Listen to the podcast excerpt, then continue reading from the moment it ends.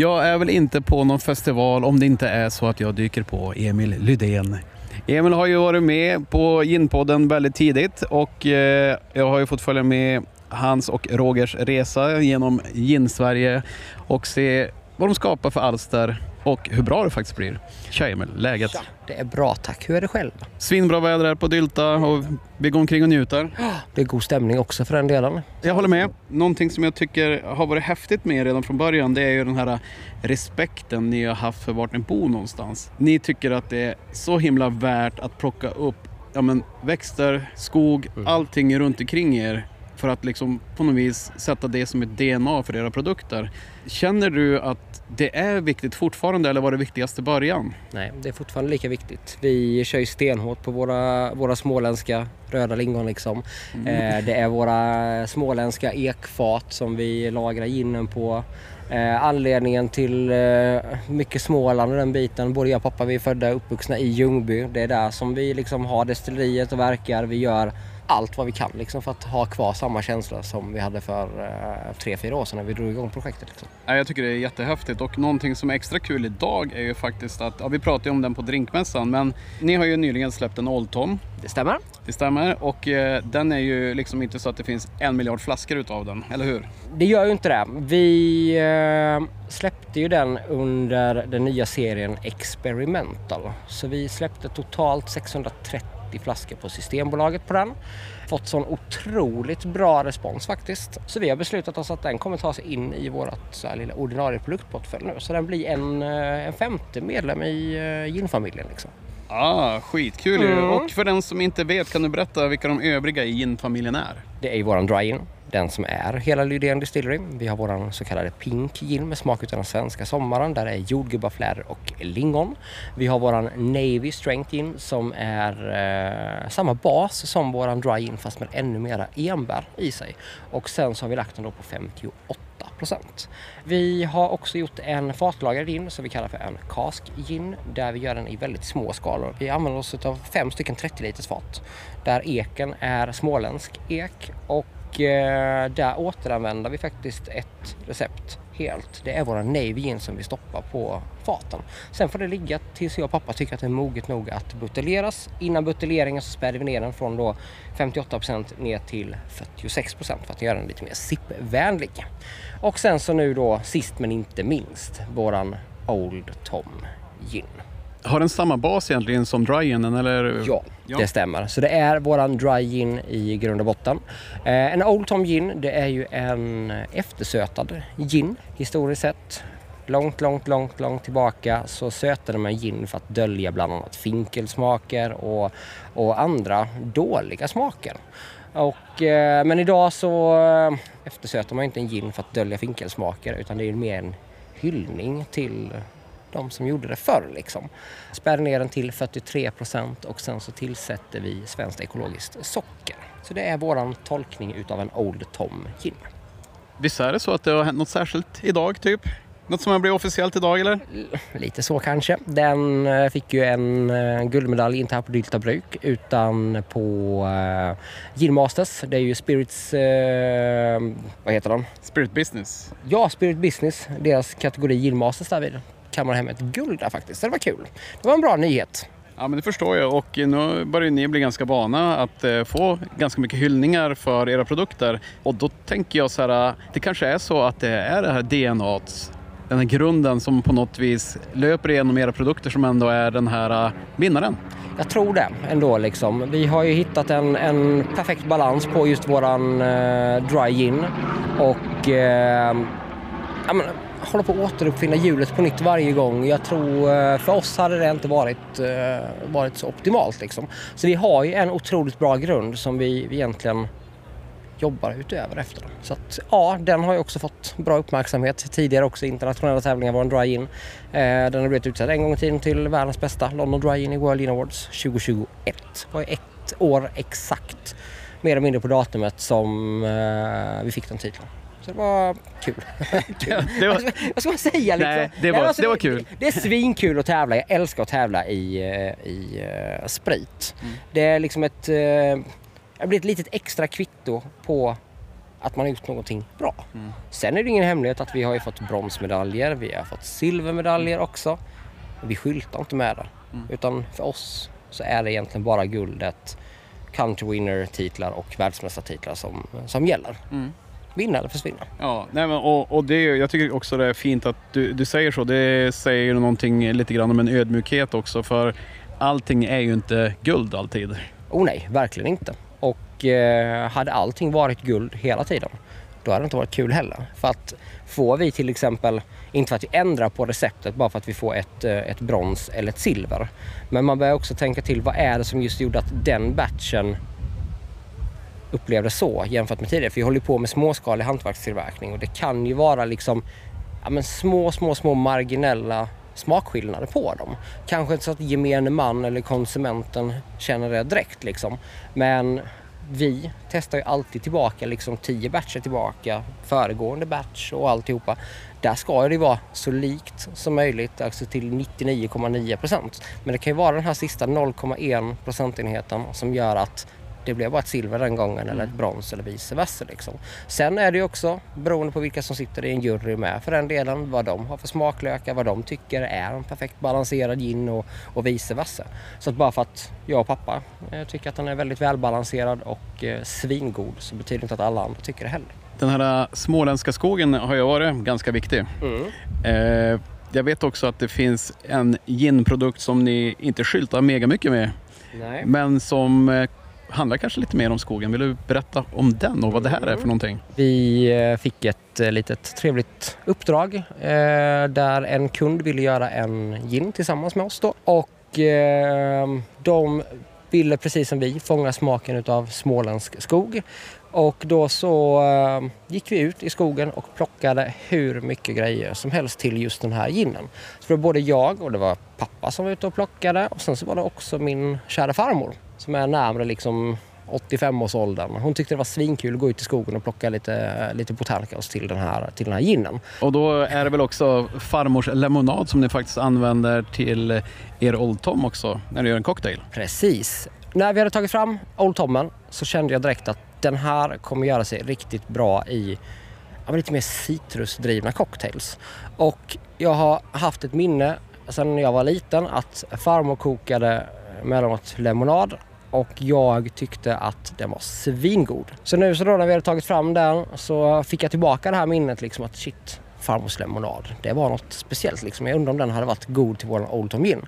Så jag ringde till farmor, bad henne liksom eh, om receptet och hon förklarade att hon har inte kokat lemonad på typ 25 år så hon fick börja leta i sina sådana vet, handskrivna farmor och mormors receptböcker och den biten. Och till slut så hittade hon eh, receptet på sin, eh, sin lemonad. Och eh, jag kokade upp den så som hon sa till mig att göra och resultatet blev ju helt, helt magiskt liksom. Så att farmor Lidén, hon har jag varmt om hjärtat liksom. Ja, men om, om vi återgår till skogen där hon var ute och plockade tillsammans med dig och Roger. Då. Vad, vad, vad hände sen? Vi hade samlat på oss en massa, massa goda grejer som vi alldeles strax ska prata om vad det är när vi tar och eh, provar den här ginen. Då så åkte vi direkt till destilleriet och proppade pannan full med de här olika grejerna och sen så gjorde vi en destillering på detta. Det var det som skulle bli resultatet. Vi hade ju experimenterat i vår lilla panna innan dess också. Vi har en liten 2 liters experimentpanna som vi, vi gör alla nyheter i. Men det skiljer sig alltid lite liksom smakväg från en liten enkel men, eh, pottstillpanna till en större kolonnpanna. Liksom. Den är ju på fem, vår vanliga panna är på 500 liter och vår lilla experimentpanna är på 2 liter. Så att det är ganska stor skillnad ändå på dem. Men resultatet i den lilla pannan var riktigt bra. Så när vi eh, proppade pannan, den stora pannan full med eh, de här grejerna, startade upp pannan så eh, blev resultatet ännu bättre sen. Så det var en lättnad. Göra bra gin är kul, framförallt när det är sådana här liksom, ja, men unika grejer där man gör liksom en batch på den. Eh, Den här kunden då eh, tog två tredjedelar utav batchen till, eh, till sina restauranger och barer och den biten och sen så skulle de då släppa en tredjedel ut på Systembolaget. Bara att när vi har kört upp, levererat upp all, eh, all den här ginen till lagret som vi har, vi kör tredjepartslogistik, så kommer de på att ah, vi har ju en alkoholpolicy som inte vi kan göra att vi kan marknadsföra alkohol på det sättet. Så eh, Där står ju vi med en massa, massa gin. Inte massa gin utan det fanns väl kanske runt en hundra flaskor kvar. Nu är det väl ännu mindre. Jag skulle tippa på en utav den här då. Och eh, visste redan inte vad vi skulle, skulle göra med den eftersom det var en kundbeställning från början. Men eh, nu så beslutade jag och Lars Renbjer eh, att vi tar med den hit till Dyltabruk låta andra smaka på den. För det är ju som sagt en gin som inte finns på marknaden. Vi har inte skyltat med den överhuvudtaget. Vi har delat någon story liksom, där folk har blivit nyfikna. Oj, vad är detta för något? De har inte sett den. Jag vet ju två av dina gin-ambassadörer, eller vad man ska säga, eh, Ulrika och Micke, de eh, har väl själva ja, tyckte väl att det var något av det bästa de hade druckit och jag vet också att de eh, står väl för en stor del av de sålda produkterna. Det är så himla härligt att höra. Ja, de blev väldigt nyfikna när jag delade storyn och Eh, det är ju två otroligt härliga själar som eh, jag har lärt känna via egentligen mässor och eh, ginen ginnen och alltihopa. Så då tänkte jag att ja, klart att de ska få ta del av artikelnumret liksom före alla andra också. Och precis som du säger, de gillade den. De tyckte att den var förbaskat trevlig och eh, ryktet spred sig lite om det här artikelnumret så att det rullade på någon flaska hit och dit liksom. Men sen så eh, har vi inte skyltat med den överhuvudtaget utan vi tyckte att våra, våra vänner eh, skulle få ta del utav den först då liksom. Ja och det här ska inte misstas heller. Det här är ju inte en experimental serie. Nej det är ju inte det utan detta är ju egentligen bara ett limiterat eh, kundsläpp eller vad vi ska ja, kunna kalla det. Collab. Ja, på tal om collab. Vi har ju en, det ska vi prata om sen du och Jocke.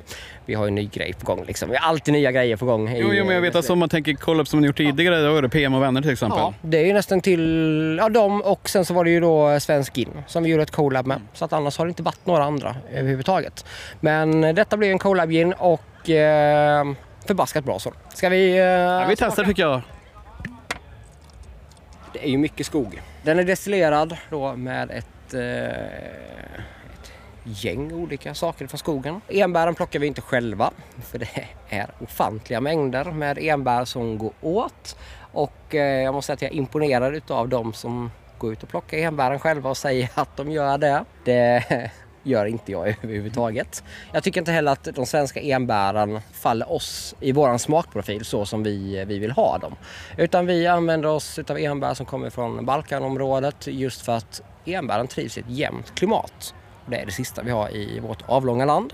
Eh, våra enbär de är lite större än de svenska enbären, lite mer oljiga och eh, ja, men det är en helt annan annan typ av enbär skulle jag ändå säga jämfört med då de, de svenska små. Inget fel på de svenska enbären, de eh, är svingoda men de faller inte oss i samma smakprofil därvid. Givetvis är det ju lingon, det är någonting som vi har i all våran sprit som vi gör. Det är inte bara gin utan vi sysslar med akvavit och sen så har vi gjort lite andra spännande experiment också.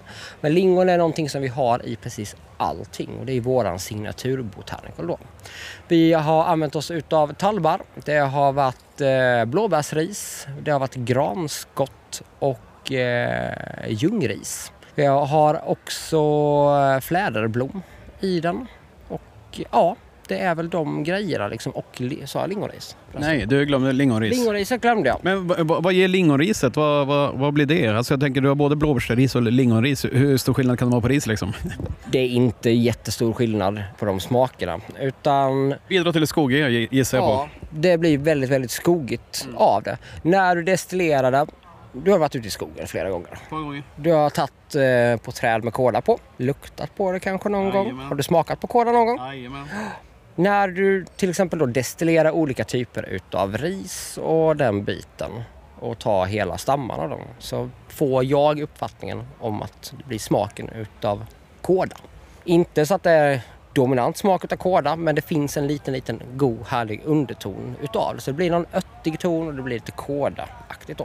Och det blir ju väldigt, väldigt skogigt liksom. Så att ja, den här rackan hamnade, det är en London Dry Gin i stilen på 42% med otroligt mycket skogiga smaker. Vad heter den? Den heter ingenting. Det är det som är det roliga.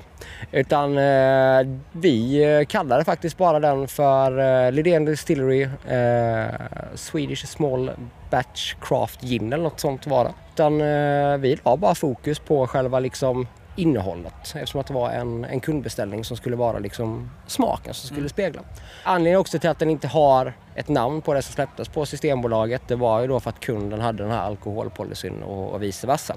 Annars så skulle vi gärna liksom tryckt ut deras logotyp och namn på det då ju. Men eh, hos dem så är det en annan typ av etikett med deras logga på och, mm. och vice versa. Men den får ju bara säljas in-house där då liksom.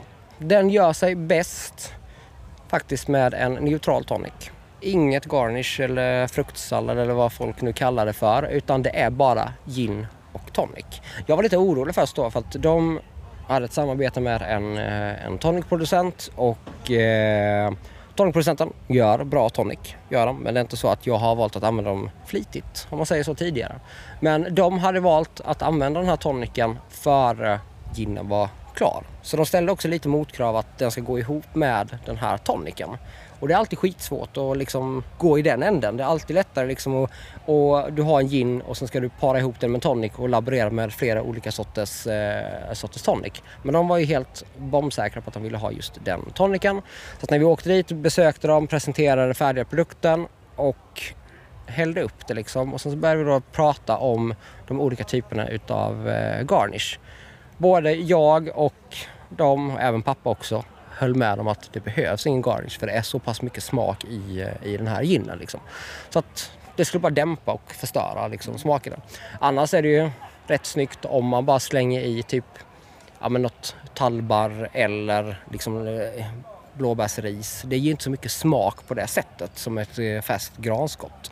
Utan då får du bara något lite grönt i det för det visuella. Men bidrar du bara med visuella och ingen smak, då är det rätt meningslöst att, att slänga i det. Liksom. Alltså, jag har ju smygsmuttat lite grann här nu under, under tiden du har pratat och jag måste säga att eh, man känner ju verkligen de, den här skogiga smakbilden. Men jag får ju någon, nästan en söt eftersmak också alldeles i slutet, som när den rundar av med något sött. Det kan ju vara min gom som är ute och, och, och svajar, men jag får liksom som en, den där skogssmakexplosionen i början, ganska mycket ja, men lite sträv från början eh, och så sen så kommer den ut i, i, i skogssmaker och, och, så sen så får jag nästan en söt avslutning. Mm. Så är det i min mun i alla fall. Helt rätt. Eh, vi har ökat upp mängden fläderblom rätt så rejält i den jämfört med till exempel då våran, våran dry gin. För det är också alltså väldigt svenska smaker tycker vi. Mm. Alltså fläder och fläderblom, flädersaft och, och allt den. Så att det är mycket fläder och det är faktiskt mer lingon i den här jämfört med våra andra recept också. Lingon, det bidrar ju med en härlig sötma men också lite syra. Men det är framförallt lingonen och fläderblommen som, som du upplever som det här söta. Liksom. Skitkul att få höra lite om de här nyheterna. Så ja, jag önskar bara varmt lycka till här på Dylta och hoppas att du får göra väldigt mycket Old Tom och No Name drinkar här. Det hoppas jag att jag får göra och ett stort tack för att eh, vi skulle ta och snacka lite. Alltid kul att träffa dig Jocke. Detsamma, detsamma.